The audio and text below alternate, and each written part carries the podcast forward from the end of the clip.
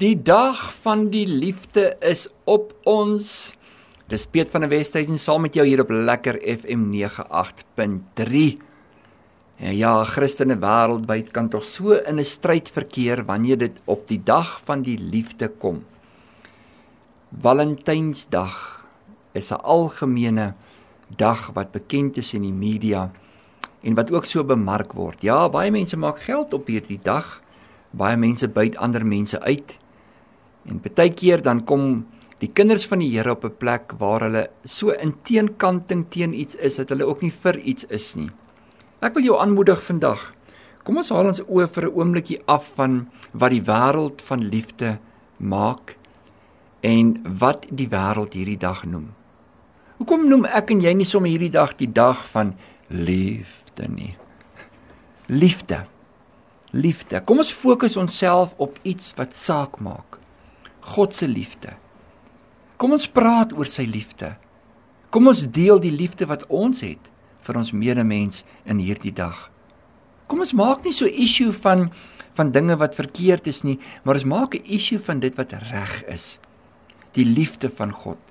Ek kan al my energie, my lewe lank spandeer om teen iets te kan veg, teen iets te staan en teen iets te baklei terwyl ek nooit vir iets opstaan nie terwyl ek nie vir iets staan nie terwyl ek nie iets bou waarna ek glo en dit waarvan ek die oortuiging in my binneste dra nie so in plaas van om baie dinge nou te wil sê teen Valentynsdag hoekom sê ek en jy nie 'n paar goed vir die liefde van God nie hoekom maak ons nie 'n punt daarvan om in hierdie dag die liefde van God met mekaar te deel nie. Nou sommer net 'n vinnige 'n liefdesdag oefening. Kom ons kyk hoe vinnig kan jy sê uh, lief jou. Hoe vinnig kan jy sê lief jou? Lief jou. Kom net ek 'n bietjie hoor. Ja, ja, praat. Lief jou. Nou kyk 'n bietjie hoeveel keer vandag jy vir iemand kan sê lief jou. Ek is lief vir jou. Iemand wat naby aan jou is.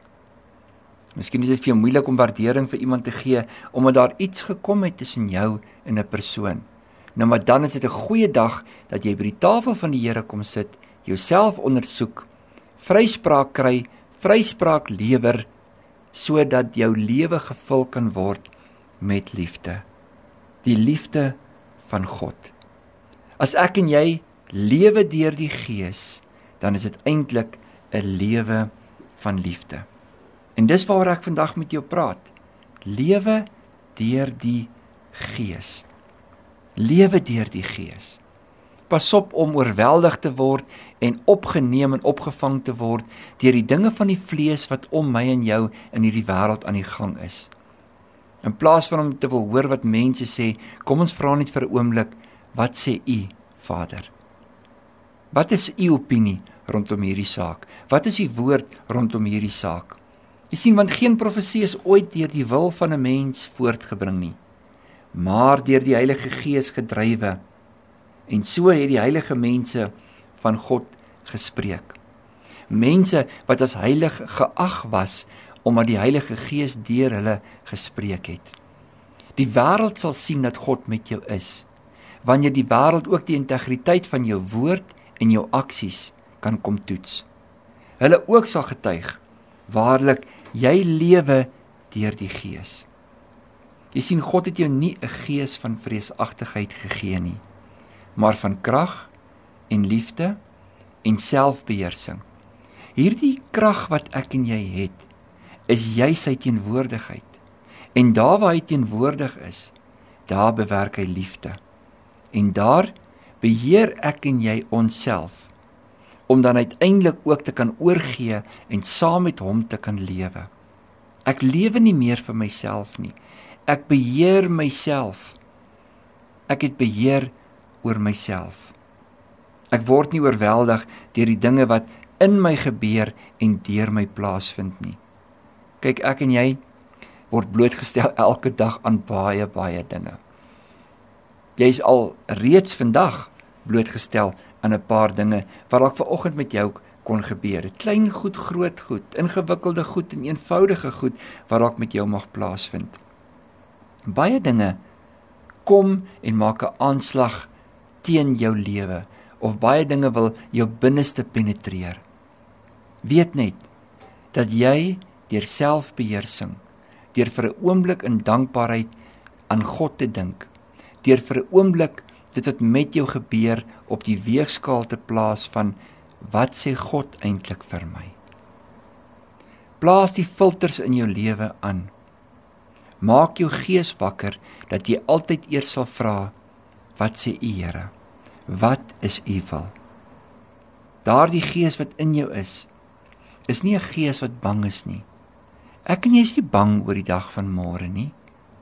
Hy wie my gister en my eergister in getrouheid voorsien het en beskerm het en die pad saam met my geloop het.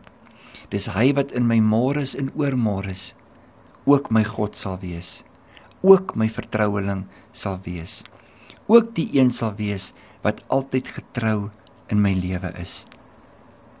Jy hoef nie bang te wees nie. Die gees wat in jou is is nie 'n bang gees nie.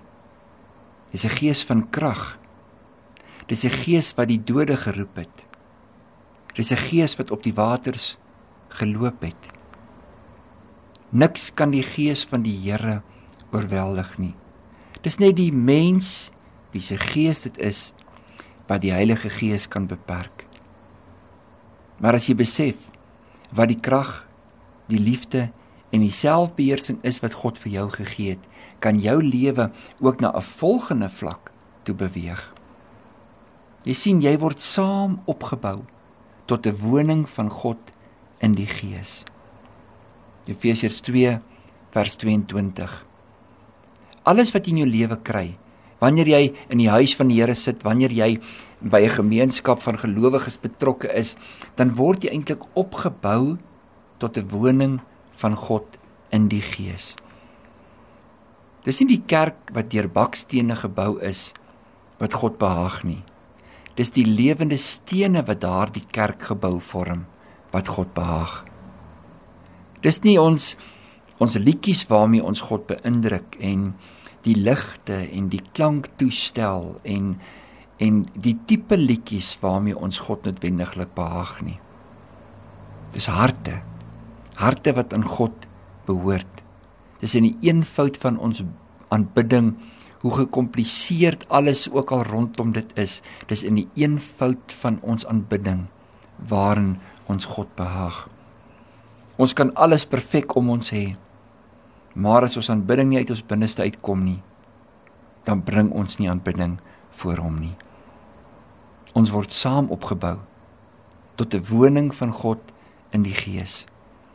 Een baksteen in 'n muur kan nooit die volheid van God wees nie. Maar as elke baksteen sy kant bring, hom toelaat om ingebou te word in die plek van die Gees waar hy moet funksioneer, dan kan ons saam tot lof en eer van God wees. Dan kan ons saam lieflik en loflik vir hom wees, sê die woord. Jy sien wie die Here aanhang, is een gees met hom. 1 Korintiërs 6 vers 17. So baie mense hang mense aan. So baie mense hang dinge om hulle aan. Maar wie die Here aanhang is een gees met hom. Jy dink oor die dinge. Jy voel die dinge. Jy beleef die dinge. Jy's in hom soos hy in jou is. Jy hang die Here aan. Jy is een gees met hom. Jy doen dit soos hy dit sou doen. Jy dink oor die dinge waaroor hy sou dink. Jy beleef die wêreld soos hy die wêreld sou beleef het. Een gees met hom. Jy sien want ek is vol woorde sê Job. Die gees in my binneste dring my. Ooh, daar's baie dinge waaroor ek kan praat. Maar ek wil net praat oor die dinge wat God wel behaaglik is. Ek wil praat oor die dinge wat ek my Vader hoor sê. En ek wil dit sê vir wie ook al wat moet hoor. Ek is vol woorde. Daar's baie dinge wat in my binneste woel. Die Gees in my binneste dring my. Sê vir my om goed te doen. Lei my waantoe ek moet gaan. 1 Korintiërs 2:14 Maar die natuurlike mens neem die dinge van die gees van God nie aan nie, want dit is vir hom dwaasheid en hy kan dit nie verstaan nie omdat dit geestelik beoordeel word. Ons het vir mekaar gesê God is gees. Ons het ook vir mekaar gesê dat dis net deur die Heilige Gees dat ons gelyk kan word. Dit maak mos nie sin as jy 'n houtstaf in jou hand het en jy hom op die grond moet neergooi dat hy 'n slang sal word nie. Dit maak eintlik vir die natuurlike mens nie sin wanneer God vir Moses kom sê vat hierdie staf en steek hom in die water nie. Wat is logies aan dit? Wat is logies daaraan dat Jesus by die graf van Lazarus kom staan en na 'n man toe uitroep wat al 3 dae en in aanloop gesterf het? Dit maak nie sin nie. Dit maak nie natuurlik sin dat God 'n jong maagd sou kies en sy seun Jesus in haar skoot instuur nie. Dit maak nie sin dat Petrus met sy voete op die waters van die see kan loop nie. Maar tog is dit 'n realiteit.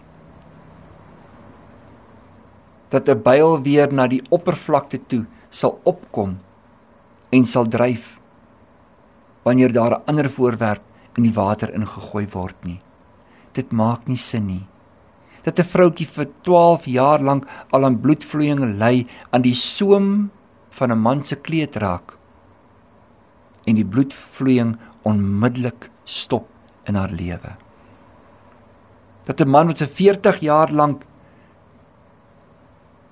lam 'n bedelaar is net daar by die kerk se hek dat hy op 'n dag kan opstaan, sy bed opneem en loop van daardie punt af. Die blinde man wat van geboorte af nooit kon gesien het nie. In 'n oomblik val die skille van sy oë af en hy kan sien.